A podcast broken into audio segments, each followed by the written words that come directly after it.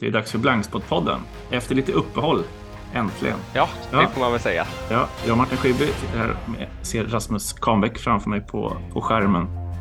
Eh, för min egen del så, så har ju hösten eh, tillbringats mycket i sal 34 eh, i Stockholms tingsrätt på Skelegatan. Och på samma sätt som man kan ha en respekt för vad ska man säga, människor som jobbar extremt fysiskt på dagarna så har jag nog fått en stor respekt för jurister som har förmågan att sitta från 9 till 16, 15 eh, på sina arslen och, och lyssna helt stilla. Det kräver också eh, ja, men en eh, otrolig ansträngning. Men jag är ju i tingsrätten de flesta av, av eh, veckans dagar och skriver de här eh, rapporterna som blir mer och mer lästa, mer och mer liksom, eh, uppskattade. Eh, lite är det ju som att vara Greklands bästa bandylag. Eh, det finns ju inga andra journalister där på plats i, i rättssalen att rapportera. Men eh, det finns ju NGOs gör det som, som rapporterar. Civil Rights Defenders och Unpaid Debt. Alltså NGOer som har hästar med i racet så att säga. men inga, inga liksom, journalister som, som rapporterar kontinuerligt. Och det är väl också orsaken till att jag blev kvar där, att, att jag kände, men herregud, eh, det här måste ju, eh, måste ju någonstans dokumenteras och berättas. Mm. Jag kan väl bara lyssna lite på hur det lät här igår i, på tingsrätten. Spännande.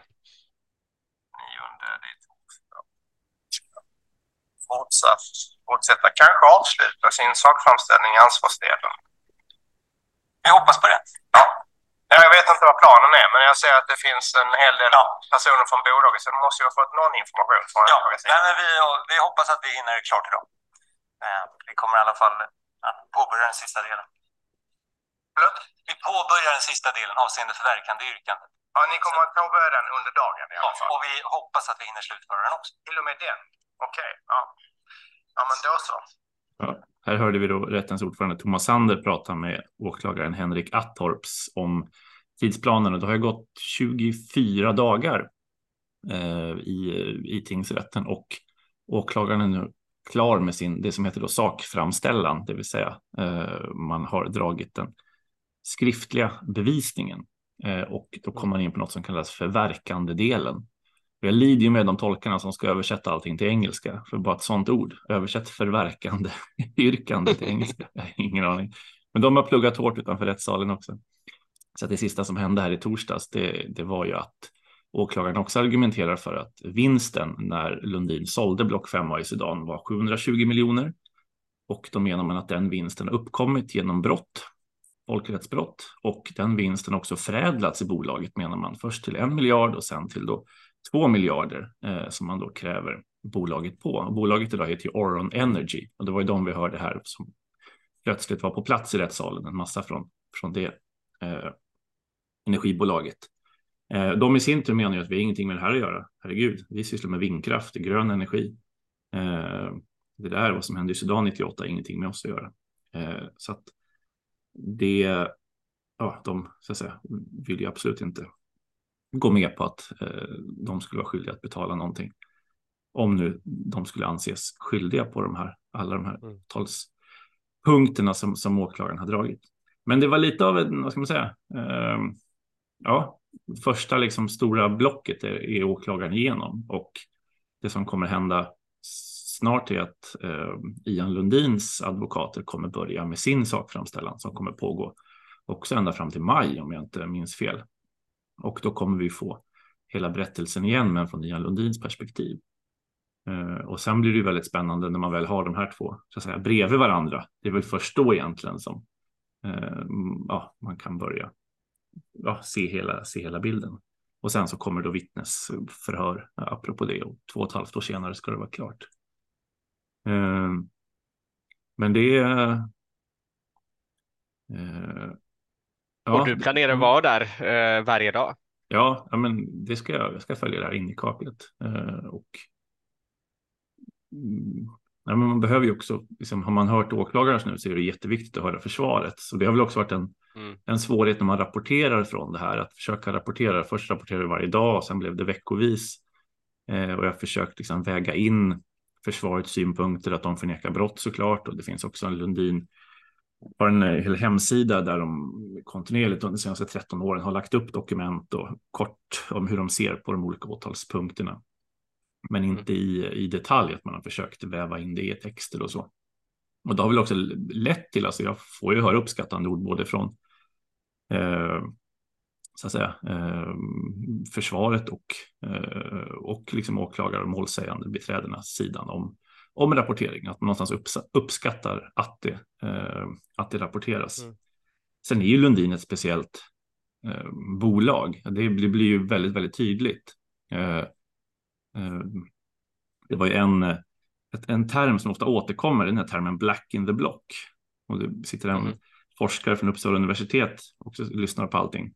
Och hon var verkligen så här, men det där är en bra titel, sa hon till mig. ja, men jag, jag, jag höll med om det, att det, det handlar om att Lundin har en, en eh, i, i, då, I block 5 i Sudan så tittar man ju på hur det är säkerhetssituationen dag för dag.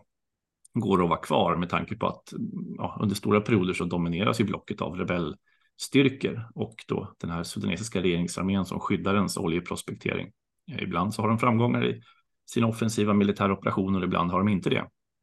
Och det, det avgör då om man kan vara på plats och utvinna olja. Um, och ja, då graderar man hela tiden säkerhetsnivån om det är grönt eller blått eller rött eller svart. Och är det svart då så är det mm. omedelbar evaku evakuering. Och under ja, en stor del av brottsperioden så är det black in the block. Och eh, då testar jag bara häromdagen och, och lägga in det i liksom ChatGTP. Kan du göra en, eh, en bild för eh, ja, Lundinrättegången och bevakningen av den som hade kunnat funka som en, en, en till den här WhatsApp-gruppen som, som jag har.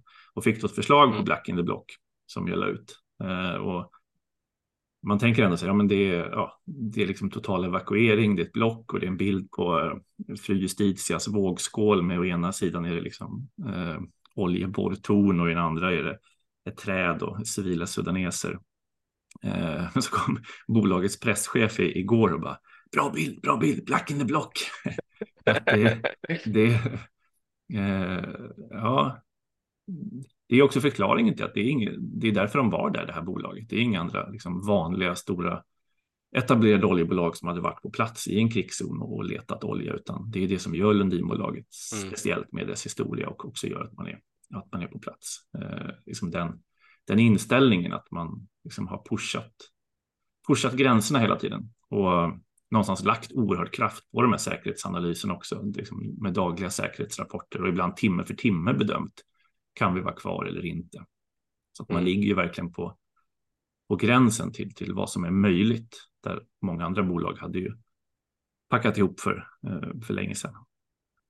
Vilka är det som är på plats i tingsrätten? Du säger eh, presschef, pressansvarig ja, är där och eller eh. presschefen är där och så vidare. Men eh, vilka, vilka möter de dagarna? Så jag började faktiskt på en liten lista häromdagen. Men alltså längst bak så sitter ju, om vi kan börja längst fram egentligen, där sitter ju då upp, upphöjt på ett podium så sitter ju rätten. Och det är ju då eh, först en nämndeman längst till vänster och sen så är det två juristdomare, varav rättens ordförande Thomas Sander. Och sen så är det en protokollförare, en sekreterare och sen så är det ytterligare två nämndemän som är ju de som ska liksom döma i det här, i det här målet. Och nämndemännen byts ju ut efter val eller de tillsätts ju politiskt. Så att, men det är ju inget mm. val nu, eller hur? Va? Om kommande två och ett halvt åren, så det är ingen risk för om det inte skulle bli något. Nej, det borde inte, det nej, borde nej, inte vara. Borde inte vara nej, det var tänker. Eh, det ser som ingen har tänkt på. Och där är det ju, det är ju bara Thomas Andersson som, pratar, som viskar ibland med den andra juristdomaren, men annars är det Thomas Andersson som, pratar. Och sen till höger då längst fram så sitter Ian Lundin först. Eh, och sen sitter hans advokater som är från firman A1 Advokater som är Kristoffer Ribbing, Thomas Tendorf och Torgny Wetterberg. Och där är det Torgny Wetterberg som är den som har ledartröjan på sig. Eh, och mitt emot Ian Lundin så sitter då åklagarna Henrik Attorps som ju drar det tyngsta lasset. Men också Caroline Wislander, Martina Winslov, Eva Korpi, Annika Wenström, Eva-Marie Häggkvist eh, med flera. Ibland har de också en speciell revisorsåklagare på något sätt som var där i torsdags när det handlade om pengar och så. Mm. Så att det är ju en, ja, hur många är det? En, två, tre, det är ja, sex ofta där. Och sen då eh, mitt emot rätten kan man säga. Till vänster åklagarna, till höger eh, Ian Lundin och sen så då mitt emot rättens ledamöter så sitter då Alexander Schneiters team som är då Alexander Schneiter själv och sen så är det Kullinger, Reiner och Samuelsson från då tre olika advokatfirmer som representerar hans intressen. Och sen bakom dem så har vi Oron Energy, då, energibolaget, som också har sina advokater. Eh, oftast har jag missat namnen på dem, men två kvinnliga bolagsadvokater, men ser dem också ibland. Eh, som igår hade de fullt ställ, då var också eh, Monell, Nilsson och Rise, eh, tre advokater på plats. Ytterligare då. Och sen eh, sitter de målsägarbiträdande längst bak. då är det Thomas Bodström, Percy Bratt och sen hade de ju varit inne på att de hade sån enorm arbetsbörda med alla målsägande så de fick ytterligare ett målsägandebiträde vars namn jag nu har glömt. Och sen är det som, sen sitter det två tolkar då som turas om och simultantolkar från svenska till engelska för Schneider. Och sen mm. liksom, sitter åhörarna eh, och då är det Unpaid Dept som har en podd som spelar in en person. Och sen så är det eh, forskare från Uppsala universitet och sen så är det från Civil Rights Defenders eh, och sen så är det jag då som brukar sitta längst bak till höger. Ja, ofta och ibland då är det en hel skolklass som dundrar in eh, och ibland också, ja men Emanuel Sidea är där en hel del också från Dagens eh, mm. Industri. Ja, så att det är ett, ett jäkla gäng. Man tänker, det är mycket folk. Att det är mycket folk. Totalt. Ja, det, det mm. låter som om det är uppemot eh, 25-30 personer kanske. Ja, ja. Rättvisa. Resurstungt. Ja, verkligen. Men verkligen, verkligen. Tar tid. Och ja, det är liksom astronomiska summor om man börjar tänka in ändå ersättningar och allt vad som, vad som plöjs ner i den här. Det fanns ju någon advokaträkning som blev offentlig alltså innan rättegången ens drog igång som var nästan uppåt om det var 90 miljoner för Oj. en av dem eh, som han var uppe i då. Men ja. hur, mm. Eh, hur mycket dokumenterar du? Vad gör du om dagarna? Alltså det vart, jag spelar ju in inte allting, eh, men jag försöker liksom trycka på play när jag känner att det är något extra intressant. Eh, sen beror det på vad åklagaren går igenom. Går den igenom en rapport så finns ju oftast den att googla fram från Human Rights Watch eller så. Och då kan man ju sitta mm. med den texten. Sen måste de ju läsa den högst eftersom det finns det här som jag har lärt mig heter muntlighetsrekvisit i domstolen. Det måste framföras muntligt. Man kan inte bara lägga in en rapport och säga pang läs det här. Och så då kan man ju ganska lätt följa med och då får man ju copy-pasta och sen så översätta Google Translate eller ChatGTP och sen så ja, få tillbaka det. Men annars är det så att de drar rapporter så sitter man och försöker liksom sammanfatta och få till en, en eh, ja, fungerande text liksom, eh, kring det. Eh, allt som åklagaren lämnar in kan man också begära ut, men det kommer ju då med någon, några dagar, så ibland en veckas fördröjning. Då mm. kan man ju liksom väl få exakta formuleringar och citat från åklagarens powerpoint, men även det finns ju också i förundersökningen som jag också har på en, på en sticka med ett antal. Där finns ju också många av de dokumenten som refereras. Ofta när det är filmer som visas så kan man hitta filmen där och i så fall titta på den och skriva ner den. Eh, sen har man ju stor hjälp av att utredarna och poliserna, framförallt på NOA har ju ett antal poliser slitit som djur och liksom gjort textversioner av eh, tv-inslag och liknande. Så det finns mm. det ju mhm. översatt från franska till svenska eller liknande. liksom också sådana här 40-sidiga dokument med varenda paus, kommatecken nedskrivet.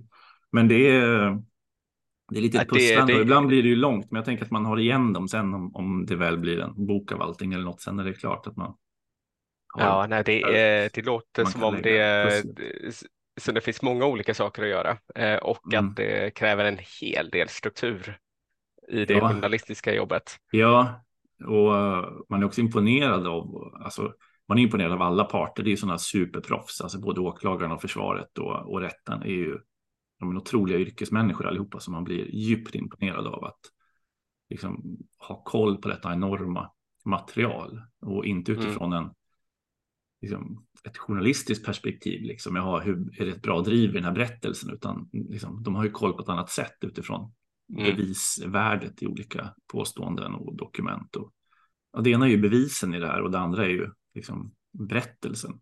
Och, mm. jag pratade kort med, med Wetterberg inför att, att han ska börja dra Ian Lundins sakframställan.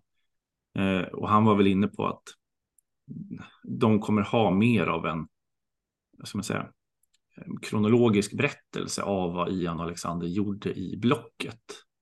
Eh, mm. Och inte så mycket gå in i varje detalj och bemöta allt som, som åklagaren har lagt fram. Eh, mm. Men det är, ja, det är, man sugs in i det och man börjar också läsa. Jag läser nu en bok som heter Emmas War, liksom parallellt, som handlar om en biståndsarbetare från Storbritannien som blir kär i en av de här krigsherrarna, Rick Machar, som nu är vicepresident mm. i Sydsudan eh, och liksom drar från biståndsbubblan och ut med honom i sudanesiska vildmarken. Eh, som var liksom otroligt att samma människor som man hör åklagaren berätta om att få det här perspektivet liksom, eh, ja. på, på dem och på den, den tiden i, eh, i Sudan är, väldigt, väldigt speciellt. Så att, ja, man, och sen med Gazakriget som pågår, det är också alla de här, alltså, rätt, inte retoriken ska jag inte säga, men ja, men de här orden, urskillningslöst, civila, folkrättsbrott, allting också finns någonstans mm. I den allmänna debatten, vad som är folkrättsbrott och inte. Så det är exakt samma saker som diskuteras i den här rättssalen. Spännande ja. och ja. Det, det, är ju, det är ju häftigt att eh, vi på Blanksport ändå kan eh, ta oss tiden och göra den här typen av saker. Eh, mm. Det, det, är ju verkligen formatet som tillåter att du kan sitta där dag ut dag ja. in och mm. följa det här på ett helt, helt unikt sätt. Mm. Men om man mm. ska, liksom, det andra man letar efter när man sitter och lyssnar det är att man letar efter scener. För så funkar man ju ändå som journalist. Att man tänker så, okay, mm. vad är scenen? Och om jag ska skriva om det här finns det då en scen att utgå ifrån. Uh, och ja, men det går ju att hitta. Uh, så att det är ju lätt annars att det bara blir liksom deskriptivt, att man bara, jaha, han säger så, den säger så, och sen händer det här. Men mm, ja, när det blir som bra, en del rapporter är bättre än andra, men då lyckas man hitta den där scenen som man sen kan bygga mm. utifrån. Att det här mötet eller den liksom resan eller, eller den här uh, fact-finding mission och sådär. Uh, den här attacken på helikoptern eller eller någonting. Eh, men det är också, men, men, men ja, man ska väl ja. se dina rapporter lite som en del av uh, ditt eget dokumenterande för framtiden ja, om det ska bli en bok eller något mm. liknande. Mm. Så att det, det, är verkligen en, en insyn både för allmänintresset men också mm. för mm. uh, se hur du arbetar. Mm, ja, absolut. absolut. Är hur är det man går med i din WhatsApp-grupp? Man söker på Lundin Oil rättegången så hittar man den. Man kan ju också om man är, kommer förbi tingsrätten så är det ju fritt framför åhörare att gå in och, och lyssna. Eh, sen har man, alltså rent praktiskt har man blivit bättre. I början sprang man ner och köpte kaffe i kaféet tre gånger om dagen. Mm. Det kostar ju 30 spänn koppen liksom. Så att, men nu, nu är jag ju all in med termos och matlåda och ja, man är mycket mer anpassad. Det är lite som att gå på den där eh, grekiska bandet som att gå på den grekiska bandymatchen med andra ord. Ja, ja, termosen ja, och precis. kakorna. Ja, precis. Ja, nu är man lite mer in for the long haul. Ja, men hur känner du? Jag tänker, du var ju i eh, liksom Armenien precis innan det brakade loss och sen där och så den här enorma liksom, flyktingvågen, hundratusen människor som fördrevs ut från Nagorno-Karabach. Eh, och för en ögonblick ja. så toppade det nyhetssändningar och sen så är det, ja, nu hör man ingenting. Det, detta är ju någonting eh, som, som jag har vant mig vid i många mm. år. Mm. Eh, att eh, att det, det kommer och går eh, mm. när, det, eh, när det väl sker någonting. Mm. Eh, så att det, är väl en, det finns väl en viss frustration av det, men, men känslan efter den här etniska rensningen var ändå att nu kommer omvärlden reagera, nu kommer den att förstå vad som händer. Mm. Och eh, uttalanden från EU och så vidare var ju väldigt, väldigt skarpa eh, kring detta. Ehm, men eh, jag hörde senast i, eh, i en riksdagsdebatt att Kristersson fick en fråga från en sverigedemokrat att har detta varit uppe på ministerrådsnivå i EU? Ehm, mm på agendan och det var uppe på agendan och detta skulle vara liksom det stora mötet som, eh, eh, som alla eh, statsministrar i EU skulle ha kring, kring hur man skulle se på situationen. Men svaret var att det kom inte med för det var andra mm. stora geopolitiska konflikter som var mycket viktigare. Mm. Ehm, och då fokuserar man ju framför allt på Ukraina och Israel och Palestina. Mm. Ehm, så att vi väl, så att den känslan av att världen, omvärlden verkar bry sig backade tillbaka bandet till eh, så som det var innan den här etniska rensningen och eh, eh, när jag pratar med eh, diplomater och så vidare så verkar det ändå vara eh, den, den politiska linje och den eh, kurs man som EU och USA framförallt haft, haft kring Nagorno-Karabach, den, den har inte förändrats nämnvärt, utan mm. den etniska rensningen skedde, hundratusen människor blev eh, hemlösa eh, på bara ett par dagar och, eh, och det har inte skett någon större strategisk kursändring kring hur man ska se på, södra, på säkerhetspolitiken i södra Kaukasien. Eh, och det är ändå det, jag skrev en text här i veckan om eh, Georgien som precis har fått, eh, eller som EU-kommissionen rekommenderar kandidatstatus för till EU, vilket är ganska tydligt man kan se det på det lite, på lite olika, olika sätt, men, eh, men dels ses det ju framförallt till folket i Georgien och mm. inte regeringen, vilket EU-kommissionen underströk. Men, men den största anledningen eh, verkar vara ut, ur ett säkerhetspolitiskt eh, perspektiv, att man vill, man vill öka sitt inflytande i södra Kaukasien. Så att eh, huvudstaden Nagorno-Karabach heter Stepanakert och eh, där höll man eh, på treårsdagen från kriget 2020 nu en militärparad från Azerbajdzjan. Och nu är Ilham Aliyev som pratar. Mm.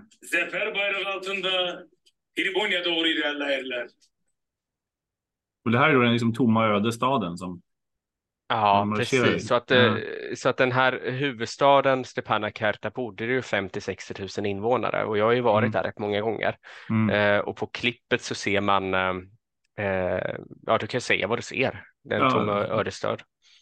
En militärparad i en, ja, på en eh, öde gata framför en myndighetsbyggnad med en, en flaggborg med azerbajdzjanska fanor. Mm. Fanborg, som man säger. Precis, och det är lite spännande för, för att Alltså, delvis är det ju, visar det ju verkligen att Azerbajdzjan nu har man gått in med militär i, eh, i Nagorno-Karabach, i mm. Stepanakert mm. och man är, är där och Ilham Aliyev säger i talet att um, vi nu, vi har slagit fienden, vi nu knäböjer dem för oss och uh, hädanefter så ska vi satsa ännu mer på militären. Mm. Um, Eh, man beslutade faktiskt här i september att höja militärbudgeten för nästa år eh, från Azerbajdzjan. Samtidigt säger han i talet att eh, nu när vi har gjort detta så behöver vi inget mer krig, så det är liksom lite det är motstridiga budskap i Ilham Aliyevs eh, eh, retorik. Um, det är oerhört en anledning... hotfullt på något sätt. Alltså det är också, en del av soldaterna är liksom svart maskerade med balaklaver och det ja, Liksom inte... Ja, men det är verkligen en eh, militarisering av ja, ja. Eh, samhället som eskalerar inte. ytterligare. Liksom. Mm. Eh, och, för, vem och bilder... den, för vem är den gjord för att skrämma eller är den gjord för interna liksom, opinionen? Eller för vem görs det, det, det, är lite både och alltså för att eh, delvis är det väl så att eh, den här regeringen är, den är ju väldigt nationalistisk i grunden, eh, men mm. framför allt är det ju en militär diktatur som man under ganska lång tid har byggt mm. upp. Ehm, det som adderades till detta var militärparaden med skolbarn i, i Baku som också visades, ehm, där, där skolbarn hade på sig militäruniformer och så vidare. Ehm, så att, och det var något, något nytt, det har vi inte sett så mycket av eh, tidigare. Men just den 8 november, det var ju samma dag då som EU gick ut och deklarerade att, att eh, Georgien ska få eh, kandidatstatus. Mm, mm. så att det blev en, ehm, den här kontrasten mellan de firande eh, georgierna i Tbilisi som eh, säger att nu kommer EU äntligen bry sig ännu mer om den här regionen mot den här militärparaden i Azerbajdzjan eh, eh är många som har eh, reagerat på också. Eh, så att eh, jag, jag, jag tror att vi eh, vi kan förvänta oss att det, konflikten i allra högsta grad är levande. Eh, och eh, jag, jag, har svårt att se att jag skulle kunna släppa min bevakning, eh, även om jag kanske inte behöver bevaka lika mm. aktivt som jag gjorde i september. Ehm, men men den, den kommer finnas med i, eh, kommer finnas med mig för att det är svårt, för det är ingen annan som gör det. Nej, du skrev ju kort också i ett nyhetssvep om att det Lemkin-institutet varnar för ett nytt krig. Jag får ta det mm. Enda anledningen till att jag refererade till Lemkin-institutet det, det, det, var att USAs utrikesministerium också reagerade på det. Mm. Um, och att eh, de, eh, nu sa väl USA att vi hoppas inte att det ska bli ett nytt krig i princip. Eh, men Lemkin-institutet är i sig inte någon jättekänd aktör så att man ska inte ta dem för mycket på, Men jag tänkte även innan, även innan det så var det många som pratade om att alltså omvärldens svar på den här liksom, etniska rensningen har liksom gett Azerbajdzjan vind i seglen att även ta, ja, kräva ytterligare territorium och ta ytterligare mm. delar av. Och här ser vi också en mm. kursändring eh, från Azerbajdzjan. Att eh, tidigare har man pratat mycket om det som kallas för Sangisur på azerbajdzjanska och som är Syönik-provinsen på armeniska som är de här södra delarna eh, mm. som egentligen ligger mellan enklaverna Khitjevan och Azerbajdzjan proper. Ehm, och där har de stora territoriella anspråken funnits tidigare, men den, den, ehm, det har de tonat ner efter den etniska rensningen och sagt att nej, men vi kommer inte att kräva fram någon form av uh, transportkorridor genom den här mm, regionen. Mm. Och det nya är nu att man pratar om uh, åtta azerbajdzjanska byar som ligger uppe i norra Armenien. För att om man kollar på kartan så ser man att det ligger enklaver. Eh, det ligger ett par stycken enklaver inne i Armenien och ett par stycken armeniska enklaver inne i Azerbajdzjan. Um, och uh, här har man formulerat att man vill ha tillbaka de här enklaverna eller man vill ha de här enklaverna mm. trots att den är rent praktiska funktion, alltså det, det vore förmodligen mycket mer praktiskt att bara byta enklaver med varandra, men detta är ingenting som har lagts fram som ett förslag från oss, i alla fall inte rent formellt. Um, så att all, hela tiden handlar det om att byta ut vilken Eh, eller byta, byta ut vad man ska kunna förhandla om på något mm. vis. Mm. Och, eh, och hela tiden i de här förhandlingarna så har ju Azerbajdzjan varit ganska tydliga med att säga att vi har den militära makten så att eh, det finns hela tiden ett förtäckt hot bakom eh, de här förhandlingarna som är ganska otäckt för många människor. Mm. Eh, som man behöver eh, bevaka i framtiden också. Mm. En annan eh, eh, nyhet som ju dök upp i veckan, det var ju den här filmstaden som visar en eh, Atatürk-filmen, kallar vi rubriken, eh, men alltså en, mm. en, en, film med ett tydligt turkiskt perspektiv, säkert också eh, finansierad av den turkiska staten som har fått omfattande, omfattande kritik. Den har tagits bort från eh, Disney och så vidare, men visas nu på Filmstaden. Och du gjorde ett, ett gediget jobb med att, att skildra den frågan. Intervjuade ju Filmstaden eh, mm. eh, som försvarade visningen med att det fanns ett intresse, men även kritiker då som menar att det här är en ren liksom, icke ja, hyllningshistoria till en envåldshärskare ungefär. Eh, mm. vad, vad, har hänt, vad har hänt mer sen, sen dess i den film, Filmgate? Ja, men det som är, ja, Filmgate får vi kalla det för att det blev en jätte, jättegrej i ja. eh, den turkiska armeniska världen i, mm. eh, i somras där Disney, Disney Plus gick ut och sa att nej, vi kommer dra tillbaka serien utan det kommer bli en film istället och den här filmen den kommer i princip bara visas i Turkiet. Mm. Sen när väl kom till kritan så, eh, så har ju till exempel Filmstaden då köpt in den här filmen och, eh, och visar den i alla fall. Så att det som det som såg som en framgång från vissa kretsar att stoppa serien eh, har ju det, det var ju mest tomma ord med tanke på att det blev en mm, mm. film. Eh, men det som har hänt den här veckan, det är inte så himla mycket. Det är, det är några medier som har plockat upp det.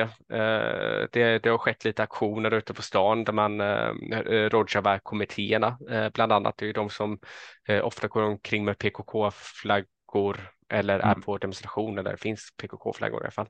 Mm. Och gjort de här ganska stora aktionerna, till exempel där man hängde Erdogan utanför stadshuset i Stockholm och så vidare. Mm. Där de är, eh, de är med på något hörn i alla fall där. Eh, och eh, de eh, gjorde en stor, de, de tryckte upp filmaffischer med budskap om att han är massmördare och ligger bakom folkmord och sådana saker, Atatürk alltså. Mm. Men mer än så har det inte hänt. Turkiska medier skrev lite kort om det. Vi får se vad som ja. händer mer, om det spiller över på det känns ju som att det är också ett ganska extremt nyhetsläge nu. Hade det varit under sommaren så hade det säkert varit en, en större grej med, med, mm. med kopplingar till NATO och Turkiet och så vidare. Det är ju nyhetsläget. Så är det säkert. Man läser om detta på Blankspot. Eh, ja. ja, men super. Eh, då så. Har ni inte redan eh, läst veckans artiklar så gå gärna in och gör det. Och eh, prenumerera inte på ett nyhetsbrev så gör gärna det. Och Stöttar ni oss inte rent eh, ekonomiskt så gör gärna det också via Donorbox och där kan man också justera sitt belopp. Man kanske känner att ja, men en kaffe i månaden är bra nu, men sen så vill man kanske bjuda på en dagens och eh, ska jag ha råd att köpa lyxkaffe i kaféet någon gång så eh, kan man också höja sin, sitt månatliga blankspot-bidrag. Ja. Och det förtjänar Martin. Ja, det förtjänar det. Ian Lundin dricker ju du, espresso. Schneider tar ju en cappuccino. Inga brygg. Inga bryggkaffekillar. Bra det. Ja. ja. Ha det fint. Jag önskar alla en trevlig helg. Ha det fint.